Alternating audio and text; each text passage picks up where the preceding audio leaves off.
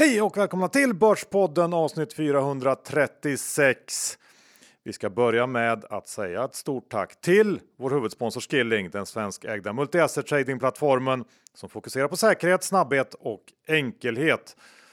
Och nu så är det slutet på året John, så eh, är det ju bara att konstatera att det ändå har varit ett fantastiskt börsår på världens börser. Ja, jag tycker man nog kan säga att det har varit ett brutalt eh, aktieår. Eh, däremot eh, så har ju det också gjort att volatiliteten har varit väldigt hög och är ju det fortfarande. Och dessutom har det lockat in många nya sparare i eh, aktier, vilket vi är glada för eftersom vi älskar börsen och älskar trading. Så är det. Och eh, Skilling jobbar ju dag och natt för att göra trading tillgänglig Eh, för alla helt enkelt. Och de har ju ett fantastiskt erbjudande, eh, bland annat med fractional trading som möjliggör flexibilitet i ens trading. De har ju också eh, nollkortage. De har en stabil plattform som inte krånglar och som har tajta spreadar och inte minst en intuitiv och lättanvänd app och plattform. Så att hela erbjudandet som Skilling kommer med tycker vi är riktigt, riktigt bra. Eller hur John? Ja, och glöm inte bort att det är svensk kundtjänst och öppettider när inte de vanliga börserna har det. Precis, och hela tiden så jobbar ju teamet på Skilling med att addera nya produkter, nya tillgångar att handla. Allt för att göra oss så nöjda som möjligt och det eh, tackar vi för. Men kom ihåg 66% av retailkunder förlorar pengar när man har CFDR. Så besök skilling.com för en fullständig ansvarsfri skrivning. Och med det så säger vi ett stort tack till Skilling. Då sa John är det dags för det klassiska nyårsavsnittet. Det som många ser fram emot. Ja, verkligen. Och eh, nu är ju i alla fall jag helt frisk dessutom, vilket är väldigt skönt att gå in i det nya året med. Det var inte så kul för lyssnarna att höra en eh, nasal Umeå-röst som var täppt i näsan dessutom. Då, då, det är mycket begärt av dem att hänga kvar den här veckan också. Faktiskt. Eh, Det är inte så mycket mer att säga. Eh, Vi ska snart komma igång, men först så är vi också sponsrade av Fidelity. Rickard, snart är det nyår. Vad tror ni om utsikterna för 2022 på världens marknader? Ja, när vi summerar nu här 2021, vi står ju här inför stundande nyår, så ser vi att vi befinner oss i ett läge här nu med vi har extremt höga el och energipriser runt om i Europa. Det tror vi kommer påverka industriproduktionerna. Vi har en halvledarbristen som vi har talat om tidigare, som vi tror också kanske kommer nu mer äta in sig när vi får se Q4-resultaten. Det här kan ju då leda till att inflationen drar iväg, eh, vilket kan då bli en eventuell eh, negativ påverkan på börserna. Det pratas ju på Twitter en hel del om svarta svanar och så vidare. Eh, vad säger du om det? Ja, det finns ju väldigt mycket att uh, djupdyka i där. Framförallt så tar väl vi i beaktande då att det blir en eventuell fortsatt politisk oro i Kina som jag talat mycket om tidigare. Eh, och sen har vi det här med nya virusmutationer som vi inte får glömma bort om vi backar bandet för ungefär eh, ett år sedan. Så vi får väl se vad 2022 eh, bjuder på. Kanske blir några intressanta nyårskarameller som vi får leverera. Och med det återigen sagt så vill vi på Fidelity önska ett gott nytt år till er alla där ute. Tack för Rickard. Eh, vi ska också påminna om att investeringars värde och eventuella intäkter från dem kan både minska och öka. Det kan hända att du inte får tillbaka det investerade kapitalet och historisk avkastning är inte en tillförlitlig indikator för framtida resultat. Våra sponsorer tar inget ansvar för det som sägs i podden och åsikter uttryckta kan redan agerats på och inte längre gälla. Det är också viktigt att läsa prospekt samt KID-dokument och investeringar på tillväxtmarknader kan vara mer volatila än på andra mer utvecklade marknader. Stort tack till Fidelity International! John, det klassiska nyårsavsnittet. Avsnittet då vi varje år plockar fram våra spåkulor ur garderoben och tittar in i framtiden. Eh, det ska bli spännande att höra vad du har för spaningar inför 2022. Men innan vi kommer dit så ska vi såklart först gå igenom förra årets profetior. Hur många rätt blev det, om några alls? Eh, vad är din känsla John? Nej, men jag känner väl att vi har haft ett ganska bra år eh, spådomsmässigt och jag tycker också att det är rätt kul att det går att göra en liten sån tidsresa, eh, vare sig det är rätt eller inte. Det är väl lika bra att vi, vi hoppar in direkt. Eh, jag tänkte börja med mina grejer såklart. Ja, sån är du. Sån är jag. Så blev du uppfostrad. Och eh, jag hade eh, först då någon slags övergripande makrospaning som jag faktiskt måste säga blev ganska rätt. Jag sa att ekonomin går på alla cylindrar. Men bolagen levererar inte riktigt på grund av flaskhalsar och kostnadsökningar och så vidare. Centralbankernas stimulanser håller dock ändå börserna på ett glatt humör under det första halvåret. Men eh, sen hade jag någon slags teori, teori om att vaccinet sätter stopp på börsfesten eh, och att det efter, efter halvårsskiftet skulle bli någon slags oro för alla kostnader som pandemin fört med sig och eh, de enorma skuldbergen runt om i världen och att det eh, gick hand i hand med någon slags stigande inflation och rädsla för det, vilket skulle få börsen att tappa rejält under andra halvåret. Eh, och alltså att techbolag och serieförvärvare får problem. Inte helt rätt kanske, men in, finns ändå någonting där. Ja, men första delen var ju Nobelprisklass på. Sen spåra fantasin ut i Dr. Bass anda på andra delen där, men ändå eh, klart godkänt tycker jag. Sen eh, sa jag att eh, något av de här förvärvsdrivna dataspelsbolagen skulle kollapsa. Eh, vi tog upp svåra jämförelsetal, att förvärv är svårt och jag valde ut då EG7 som bolag som skulle kollapsa. Eh, och det blev ju faktiskt väldigt bra. EG7 är ner 70% ungefär i år och eh, ja, inte så mycket mer att säga om det. Nej, men det får man ju vara ganska nöjd med som blankare. Träffa en eh, sån topp och bäsa. Snyggt gjort! Eh, sen hade vi eh, Clas Olsson som jag också hittade i min lilla eh, spåkula. Eh, det skulle bli en vinnare på börsen och anledningen var ju det här guldägget. Eh, Mathem som Lotta hade lämnat kvar efter hon eh, avgick som vd. Eh, och för ett år sedan när vi spelade in då eh, så ryktades Mathem vara en potentiell börskandidat under 2021. Och då spekulerar jag i att det skulle bidra till att göra Clas Olsson eh, aktien till en vinnare på börsen. Eh, eftersom jag då trodde att Mathem skulle rusa iväg i värdering. Eh, nu hände ju inte det här, men Clas Olsson är ändå upp eh, runt 75% i år. Här fick jag ju rätt, men kanske av fel anledning då, men det kan man ju ändå ta med sig. För tur är ändå enormt underskattat på börsen. Ja, men det var ganska mycket fel kan jag tycka med tanke på att Linas matkasse har blivit en av börsens absolut största jordfräsar. så att Clas Olsson gick upp trots det här och inte tack vare det. Okej, okay, så du tycker att jag fick fel på den då? Ja, faktiskt. Aha, okay. Det är hård, en hård domare. Sen har vi en spaning som både du och jag, eh, John, gjorde oberoende av varandra och det var då att eh, rövcasets moder, får man nästan säga, Telia, skulle bli en vinnare genom en avknoppning av den här mediedelen. Jag hade någon slags teori om att EQT skulle bygga ett nordeuropeiskt Netflix och då eh, skulle köpa den här delen jättedyrt och det skulle vara någon slags grundbult i deras eh, Netflix bygge. Så blev det ju faktiskt inte tyvärr. Nej, Telia har ju fortsatt vara en av de här absolut sämsta aktierna på börsen. Eh, och jag tycker ändå att det är bra av oss att vilja försöka få ta fart på den här surdegen. Men ingen annan verkar bry sig. Nej, eh, lite så. Upp 4% i år plus utdelningar. Eh, ungefär som någon slags halvtråkig obligation. Och lärdomen man ändå kanske ska dra här är ju att rövcase i princip alltid förblir rövcase. Eh, och det för oss in på min nästa spaning. För det eh, gällde också ett rövcase. Det var Saab som jag eh, trodde skulle göra storstilad comeback och byggde hela den här grejen på att Finland skulle välja Gripen i upphandlingen. Och eh, det skulle de göra eftersom pandemin dränerat statsbudgeten och då skulle Gripens eh, låga prislapp eh, fälla avgörandet. Och den här levde ju ändå får man säga fram till för några vecka sedan. Eh, men alla vet ju hur det här slutade. Aktien ner 4 eh, på året och eh, det blev ju 100 fel på den. Ja, det var lite synd att eh, Finland valde bort dem och kanske ännu mer synd att Gripen inte ens kom två i den här upphandlingen utan trea. Så att ja, rövcase och ett rövplan får man säga. ja. Sen hade jag en, en Hexagon-grej. Uh, att Ola Rolén skulle bli president i USA? Mm, ja, det hade ju mer någon uh, grej om att han uh, hade lagt upp och planerat för bud under 2021.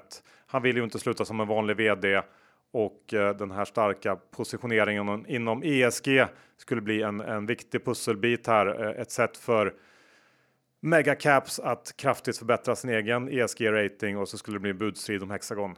Ehm, så blev det inte, men aktien är upp 34 i år. Eh, och det är precis som i Clas Ohlson fallet är ändå nöjd med den.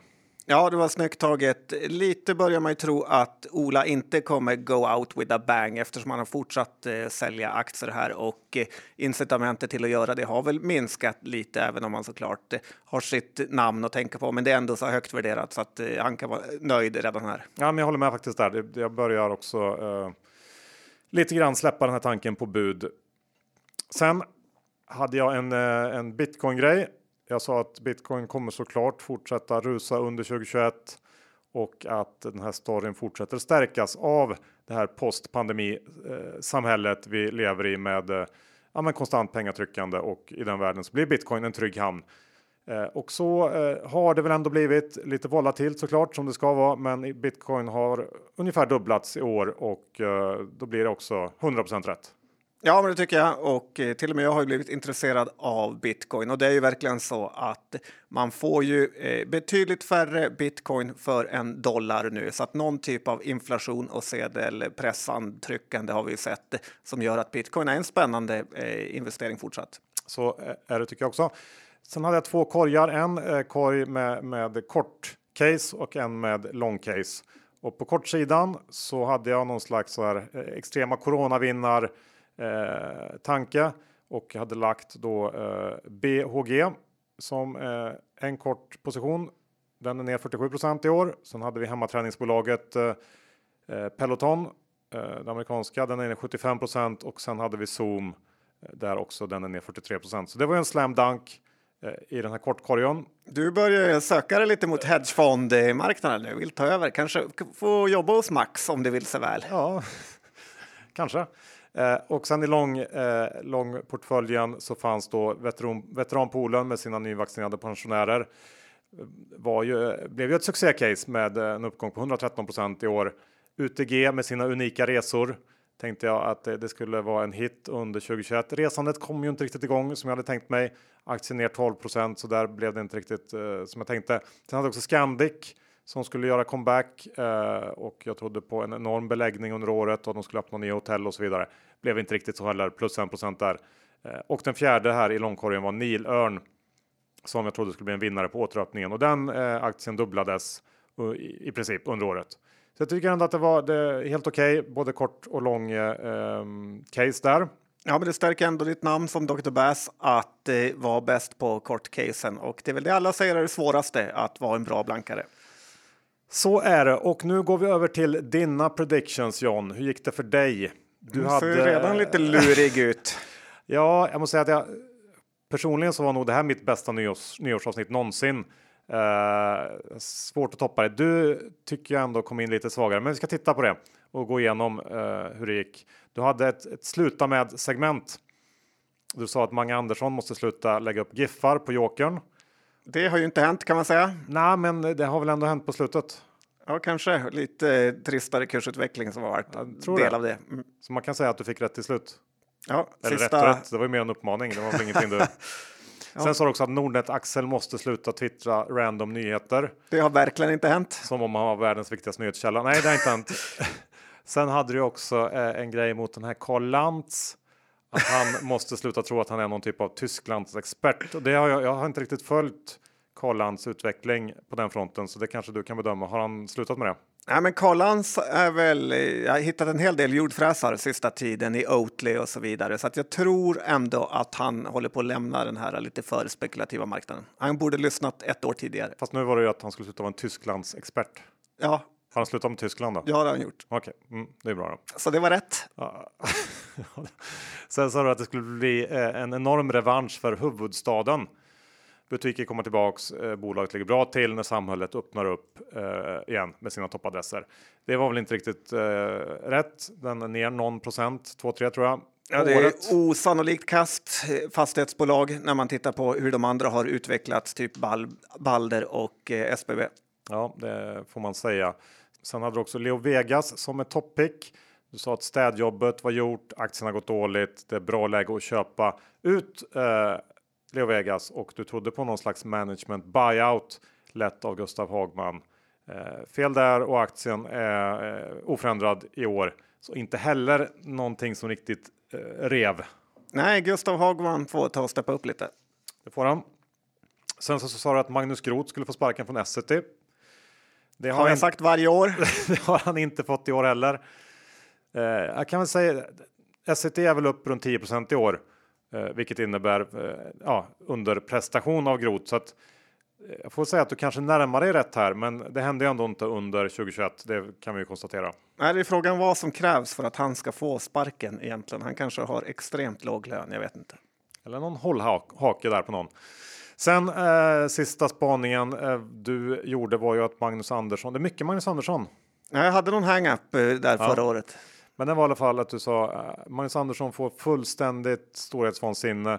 Köper Dragon Gate, gör om det till en spelstudio för Baccarat och gör samtidigt en dokumentär om sig själv som han kallar mannen som vände upp och ner på aktiesverige som han sen tvingar TV3 att sända eh, istället för Ivanhoe på nyårsdagen. Eh, och nu blev det kanske inte riktigt så här, men jag är ändå beredd att ge det 100% rätt. Det blir ingen dokumentär, men han skrev ju den här egna boken och jag tycker att eh, hela året är, det är nära nog tycker jag. Ja, verkligen. Och eh, jag känner mer och mer att jag vill lyssna ännu en gång på det här förra årets eh, nyårsavsnitt. Det känns som ett toppavsnitt. Vi är denna vecka sponsrade av Safe Lane Gaming som just nu genomför en emission och vi har med oss VD Jesper Nord. Välkommen Jesper! Tack så mycket, kul att vara här. Jättekul att ha dig här. Jag tänkte att du först ska få berätta lite kort om vad Safe Lane Gaming gör för någonting. Safelane Gaming är ett spelbolag som har eh, under det senaste ett och ett halvt året förvärvat x antal speltillgångar. Dessa spel är i fokus just nu med mobilspel. Spännande sektor tycker vi. Eh, Vi har ett eh, starkt kassaflöde och eh, där ute i världen över så kan man ju hitta App Store och Google Play och de här plattformarna. Och det är liksom där vi finns med våra produkter. Så, så fort vi har ett nytt spel så når vi världen över direkt och det är spännande. Och nu då så genomför ni en emission. Vad ska det här kapitalet användas till och eh, varför ska man som investerare fundera på att kanske delta i den här emissionen? Ja, trots eh, starka kassaflöden så eh, ska vi ha mer pengar att använda. Men det är så att vi växer organiskt, men vi vill växa än snabbare. Den här förvärvsintensiva resan vi har framför oss 2022 och de förvärv vi tittar på kräver kapital helt enkelt. Så eh, jag hoppas det är intressant för investerare ute och vill hänga med på den här resan framöver. Och om man skulle vilja läsa mer om den här emissionen, vad ska man göra då? Då finns det såklart en hemsida där man kan läsa mer om oss och om villkor och annat. Så www.safelanegaming.com Vi säger stort tack till Safe Lane Gaming.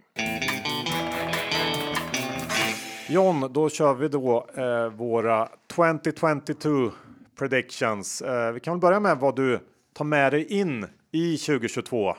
En liten snabb kommentar här som Mats Knutsson brukar säga på Aktuellt. Saker vi inte får glömma bort, men inte heller eh, sluta med. Och eh, det första jag tänker på är ju det här snacket om att bank-id borde vara statligt. Eh, jag tycker man tänker helt fel då. Anledningen till att bank-id fungerar så bra är just att det inte är statligt. Hade statliga myndigheter fått lägga sig i det här så hade det aldrig någonsin blivit eh, samma succé som det är. Det är bara att kolla på skolplattformen eh, med de enorma haverierna eller den här coronasajten Alltid öppet. Eh, nu när jag haft corona här så fick jag igår gå in eh, på Alltid öppet och göra någon sån här smittspårningssökning. Och när man har loggat in med BankID där så är det första frågan man får eh, vilket personnummer man har, så får man knappa in det. Eh, det är då knoppar brister Johan, när man inser statens uselhet.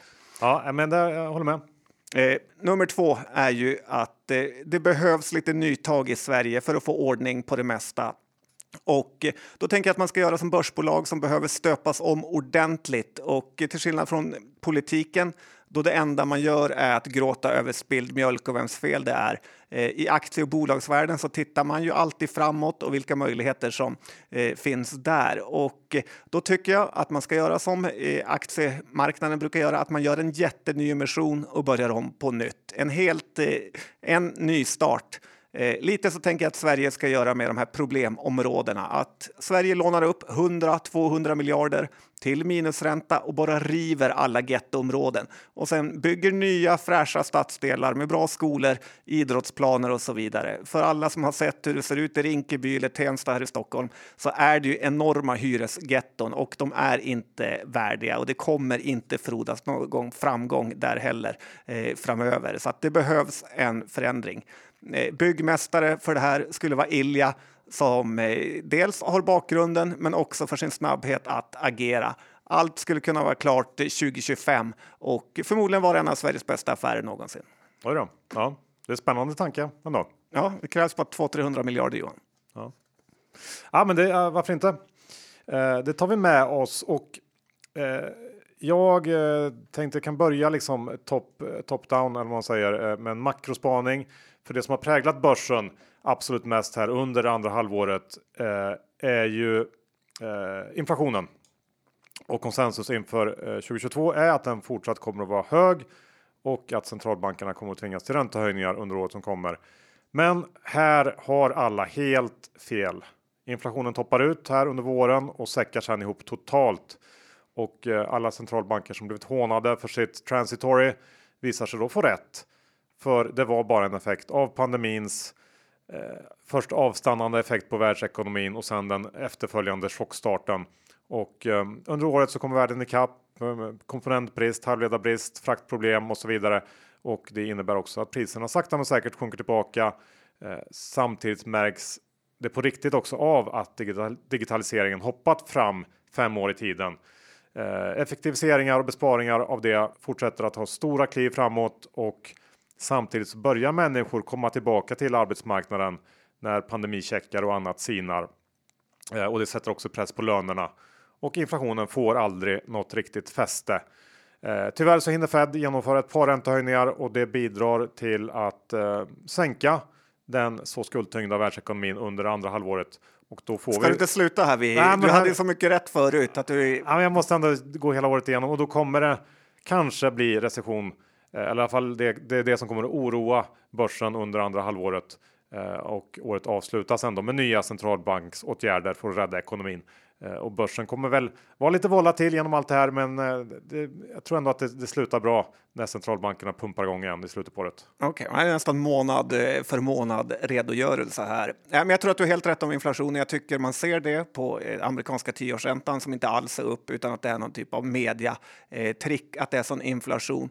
Även de svenska preferensaktierna är nästan på rekordnivåer så att nej, inflationen eh, kommer nog lugna ner sig när flaskhalsar och annat är löst. Ja, men det var min, mina övergripande tankar om nästa år.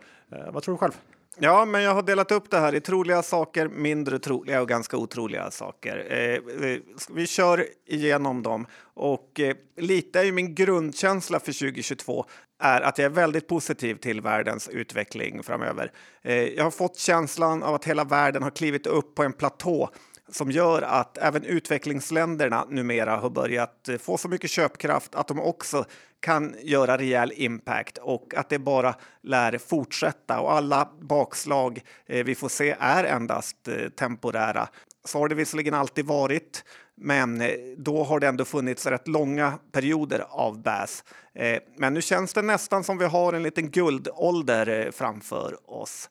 Och det jag tror, eh, som är ganska troligt för 2022, är ju att eh, det kommer vara kompetensbristens år i och med högkonjunkturen. Och eh, här kan vinnarna bli de bolag som eh, kan rekrytera utomlands, både faktiska människor eh, som kommer hit och jobbar, men också att man bygger upp hela hubbar i andra länder. Det ryktas ju om att H&M har börjat öppna stora hubbar i Afrika. Vi kommer ju alla ihåg hur Cybercom av alla bolag var tidiga med att ha en stor utlandsfilial i Indien.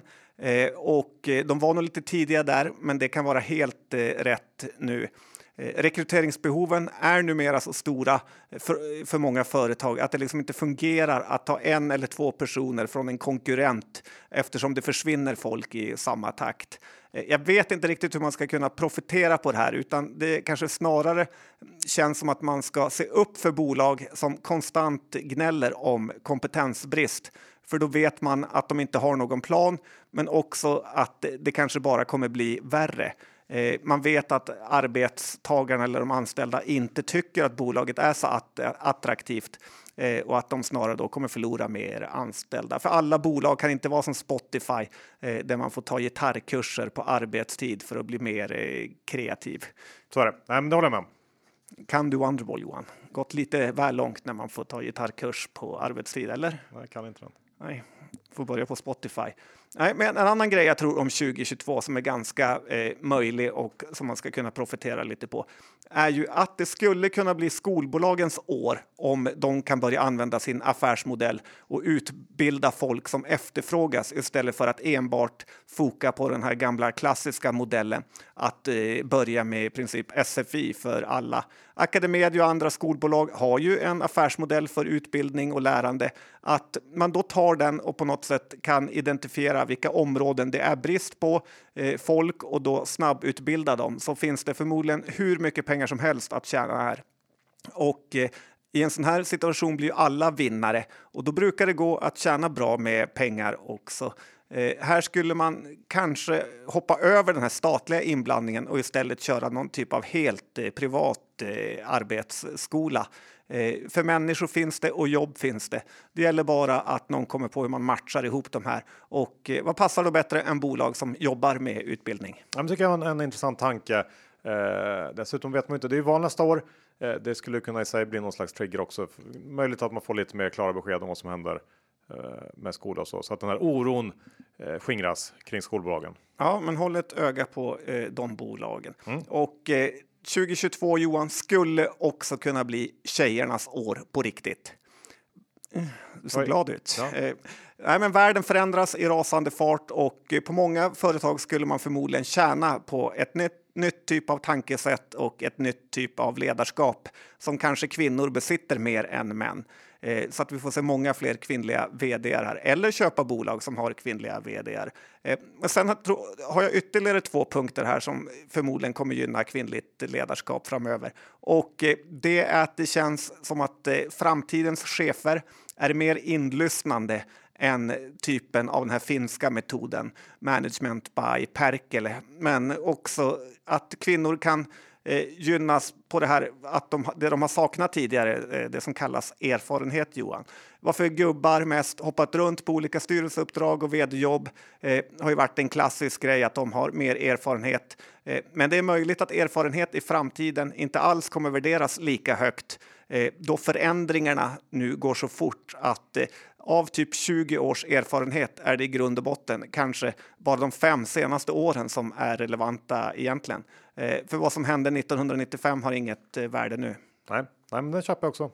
Mm, du köper det rakt av här. Och det sen, var ju de mest troliga också, eller hur? Ja, mm. verkligen. Eh, kommer sjukare saker sen. Eh, huspriserna kommer ta rekord, eh, stora rekord under 2022, Johan. Och jag sa huspriser, inte lägenhetspriser. En liten kille som snackar egen bok här. Nej, men jag var förresten, du var ju också med, men på ett event här innan jul så skojade jag ju med en person och sa att det var lite barnmisshandel att bo i en lägenhet eh, med barn för att provocera lite. Det skulle jag inte sagt, för den tilten jag fick utstå då var inte så gosig. Eh, vet du hur jag avslutade tilten, Johan? Eller att ta emot? Nej. Jag sa att jag inte står för något jag säger. Äh, ja, ja, mm. Är jag killspelare? Ja, Nej. Nej. Och jag tror att det här med distansarbete kommer numera bli en permanent del av vardagen för många. Och då kommer boendet att bli ännu viktigare och att boendet är en av de här få saker som faktiskt gör eh, skillnad i folks liv. Eh, och det kommer man vara villig att betala ännu mer för. Eh, vad säger du? Huspriser upp? Uh, ja, gissningsvis. Jag tror inte den kommer, de kommer explodera upp som du verkar tro, utan att någon procent sådär som vanligt i, i liksom i riktningen som det, den, det har gått sista åren. Ja, mm. får se. Eh, och sen sista här, trolig sak Johan, att eh, hälsan blir viktigare och eh, då är den enkla vinnaren här testbolagen och analysbolagen eh, som kommer bli vinnare. För man vill veta vilken sjukdom man har direkt nu när man vant sig med det under corona. Eh, också att faktiskt omgivningen vill veta vilken sjukdom du har så att de kan känna sig trygga snabbtester, olika typer av analysbolag inom sjukvård eh, har chans att verkligen få ett uppsving här. Det som är bra med den här sektorn är att det är mycket återkommande intäkter, antingen för att man säljer ett dyrt instrument eh, till något analysföretag och sen får betalt per test eh, som de utför eller att man mot konsument då, eh, bara vet att det garanterat kommer blossa upp massa sjukdomar igen och igen och igen. Ja, lite präkt pojkevarning över hela segmentet tycker jag. eh, när du drar på dig de här. Ja, men, men visst, eh, jag säger inte emot när det gäller eh, det här sista heller. Nej, men det är väl det som är det tråkiga, att de eh, sannolika sakerna är de som händer. Mm. Och är det präktiga Johan. Det är det präktiga. Men vill du höra om mindre Nej, det vill grejer? jag inte. För först ska jag komma in också. Ja, Ja. Eh, Metaverse har du koll på? Eller? eh, ja, det är 100 procent koll på. Ja, Jag har inte velat säga något till dig bara. nej.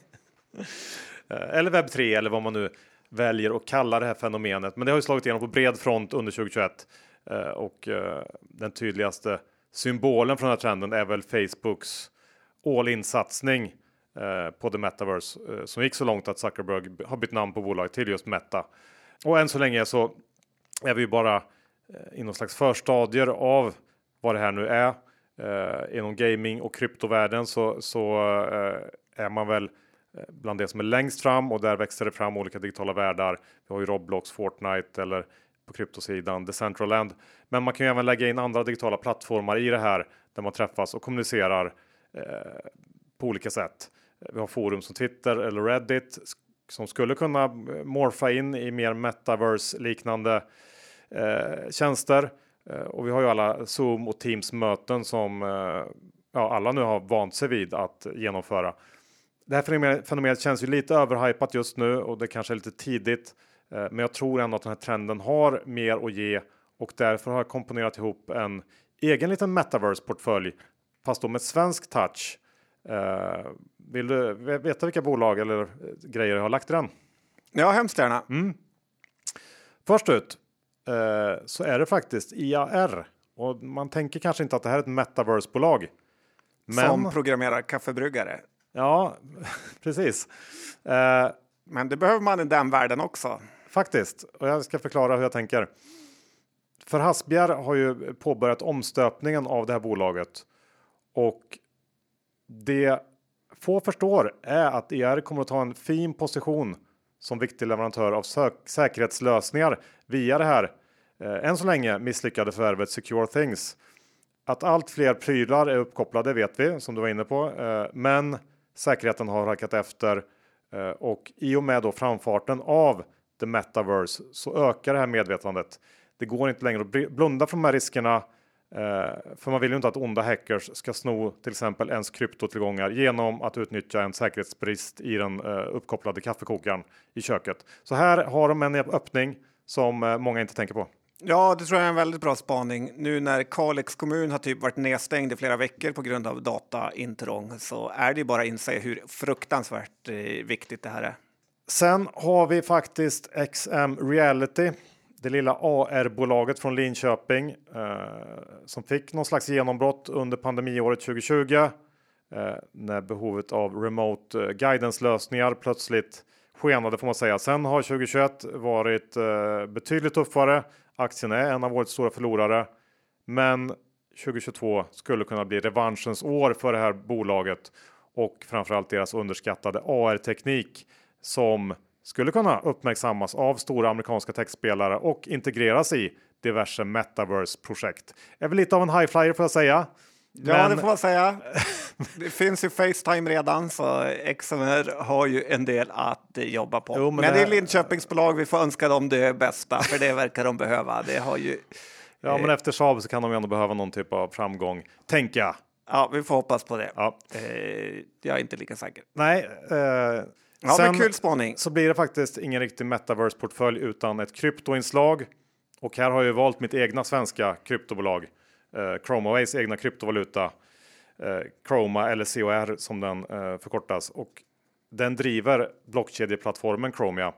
Eh, och det här skulle kunna ses som någon slags hackar och spadarbett inom metaverse. Man tillhandahåller verktygen som behövs för att bygga decentraliserade appar och eh, har faktiskt under året haft stora framgångar inom eh, blockkedjegaming och kommer under 2022 lansera en egen riktigt spännande NFT-standard bland annat. Eh, det finns många överhypade kryptovalutor med mer snack än verkstad, men när det gäller CHR så är det faktiskt lite tvärtom med min känsla så att jag lägger in den också i min svenska metaverse portfölj och det ska faktiskt bli riktigt spännande att se hur den här portföljen har gått om ett år.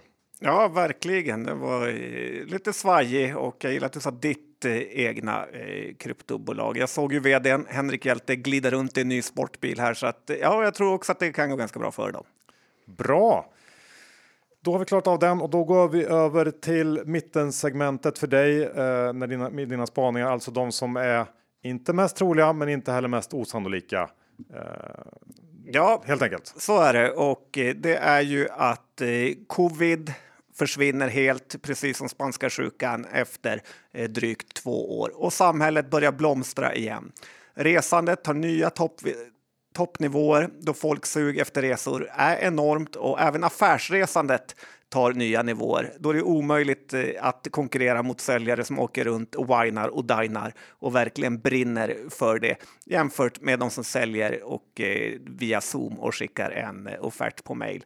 Det här gör att Petter Stordalen blir Nordeuropas rikaste man och startar igång rymdkapplöpningen mot Bezos och Musk. Eh, Stordalen väljer Saabs motorer till sin raket och det blir det stora genombrottet för Saab som blir Sveriges högst värderade företag. Mm, det börjar väl ganska sannolikt tycker jag att, att, eh, att eh, pandemin försvinner och, och, allt det där. Det köper jag. Sen halvvägs eller eh, något sånt där in så blev det väl mer och mer eh, osannolikt och det slutar väl ganska rejält osannolikt får jag säga. Ja, men Saabs höga värdering är ju inget som nej, man tror på. Nej. Eh, nej, men visst. Nummer två här. Elpriserna kraschar alla peak oil eh, 2004-2005. För precis som då kändes det som att det var på väg att ta slut med olja eh, och nu är det på något sätt nästan en känsla av att det är på väg att ta slut med el, konstigt nog. Eh, men precis som då så start startades det enormt många borrningar och gamla oljehål eh, fick man fart på eh, så oljepriserna sjönk och det var lite av en spekulationsbubbla. Och jag tror att det lär hända eh, här med. Eh, från mer solceller till nya lösningar så kommer elpriserna att eh, krascha. Eh, och man ska ju komma ihåg att det inte var för alls länge sedan eh, som man pratade om bekymret med negativa elpriser. Eh, på det här köper man solcellsbolagen på börsen som blir de stora vinnarna eh, medan lundinarna får helt eh, sinnessjukt långa straff för sina räder i Sudan. Mm. Eller så kanske man köper eh, bara industri som är el intensiv, energiintensiv. Nej, men jag, jag köper verkligen det här. Svårt att säga på ett års sikt bara, men, men på lite längre sikt så trendar väl eller bör väl elpriserna trenda mot noll i princip eh, om vi nu ska bygga ut eh, det förnybara så enormt mycket eh, det är väl svårt att se någon annan utveckling än att det trendar mot att bli i princip gratis med el. Ja, det är svårt att se hur det ska bli helt gratis. Nej, men mer eller mindre. Mer ja, eller mindre. Det vore ju eh, bra för världen om det var billigare med energi. Det skulle det är det vi behöver. Fantastiskt helt enkelt. Bra.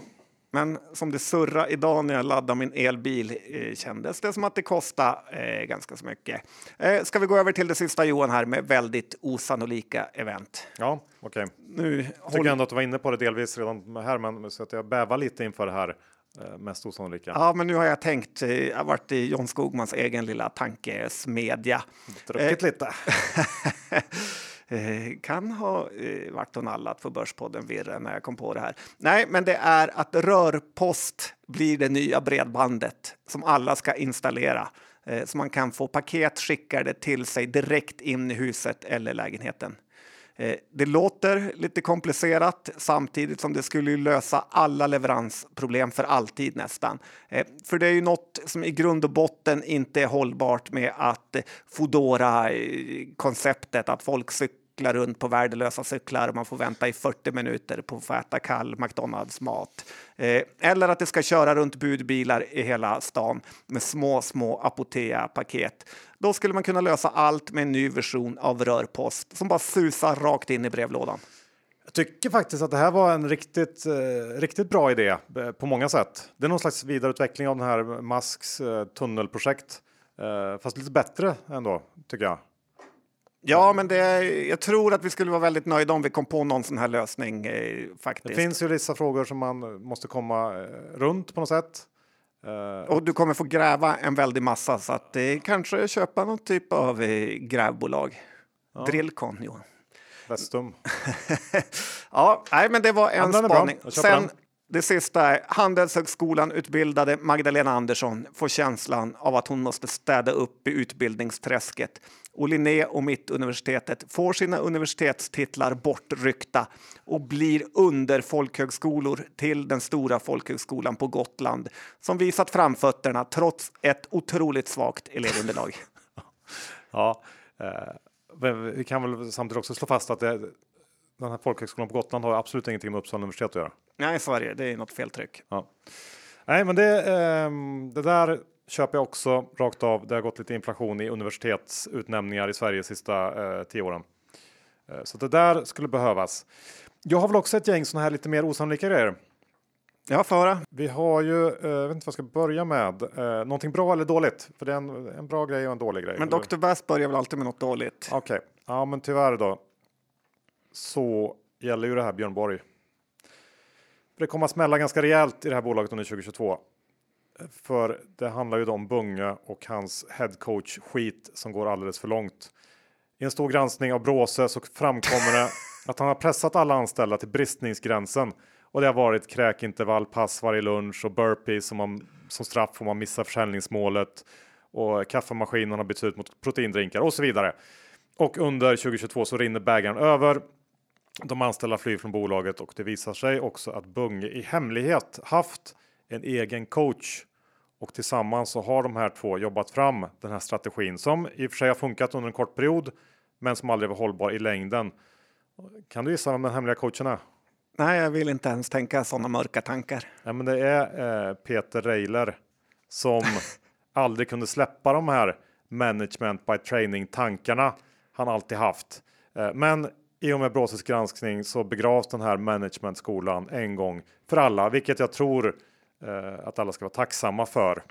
Okej, okay, jag gillar spaningen. Jag tror ju betydligt mer om Bunge än du. Men jag skulle ändå vilja läsa den här granskningen i sju delar av Bråse. Jag har dock en annan Björn Borg-spaning som jag också har tänkt på. Det är ju snarare att eh, Björn Borg kommer köpas ut, Johan, från börsen.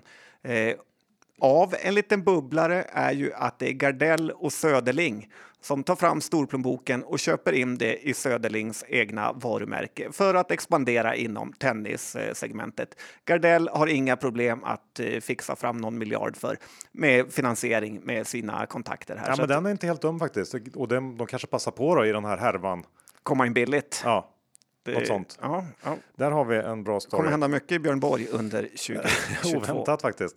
Eh, eh, på den positiva fronten då. Vi har ju eh, haft det lite kämpigt i Swedish Match på slutet här. Eh, skatteattack i USA och eh, ganska svag kursutveckling här under hösten. Men de här sjuka jävlarna på Swedish Match, topphemliga i labb. De jobbar ju på en produkt som kommer att vända upp och ner på branschen. Eh, för under 2022 så kommer de att lansera. Kan du gissa? Just nu är jag helt blank Johan. Nej, men jag förstår inte själv att de inte har gjort den. Cannabisnus. Blir det en hit eller blir det en hit?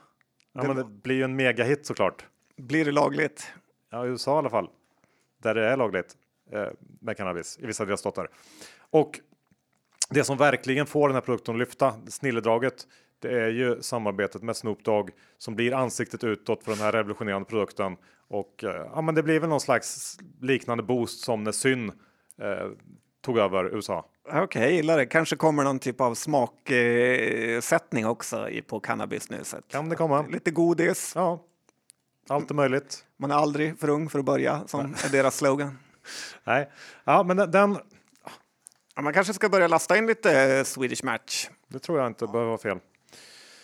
Faktiskt. Uh, Uppköp var vi inne lite kort på snudda på Björn Borg där. Den, den, den köpte jag lite grann faktiskt. Uh, har du några mer? Ja, men det är ju ofattbart svårt att eh, matcha eh, sådana här bolagsköp. Vilka som köper vilka faktiskt. Men jag tänkte ändå du får. Jag gör, ger dig några snabba här så får du tummen upp eller ner mm. med munnen Johan, hur man nu gör det. Eh, men Nimbus kommer köpas upp efter en budstrid mellan Thule och Dometic som båda vill expandera på båtmarknaden. Nej, Det händer inte. nej. Okej, det är du säker på. Eh, något vårdbolag köps upp eh, av de tidigare av de som tidigare satte det på börsen i ett sånt där klassiskt reptrick. Eh, de som köpte när man köpte ut Ahlsell från börsen så trodde man ju att de var galna eh, när det snarare var ett makalöst genidrag eh, inför den eh, största kommande uppgången av sådana här serieförvärvande bolag inom den här eh, sektorn. Riskkapitalbolagen vet oftast vad de gör och ser de gratis pengar är det inget de låter ligga på marken för länge. Nej, men det köper jag till 100 procent.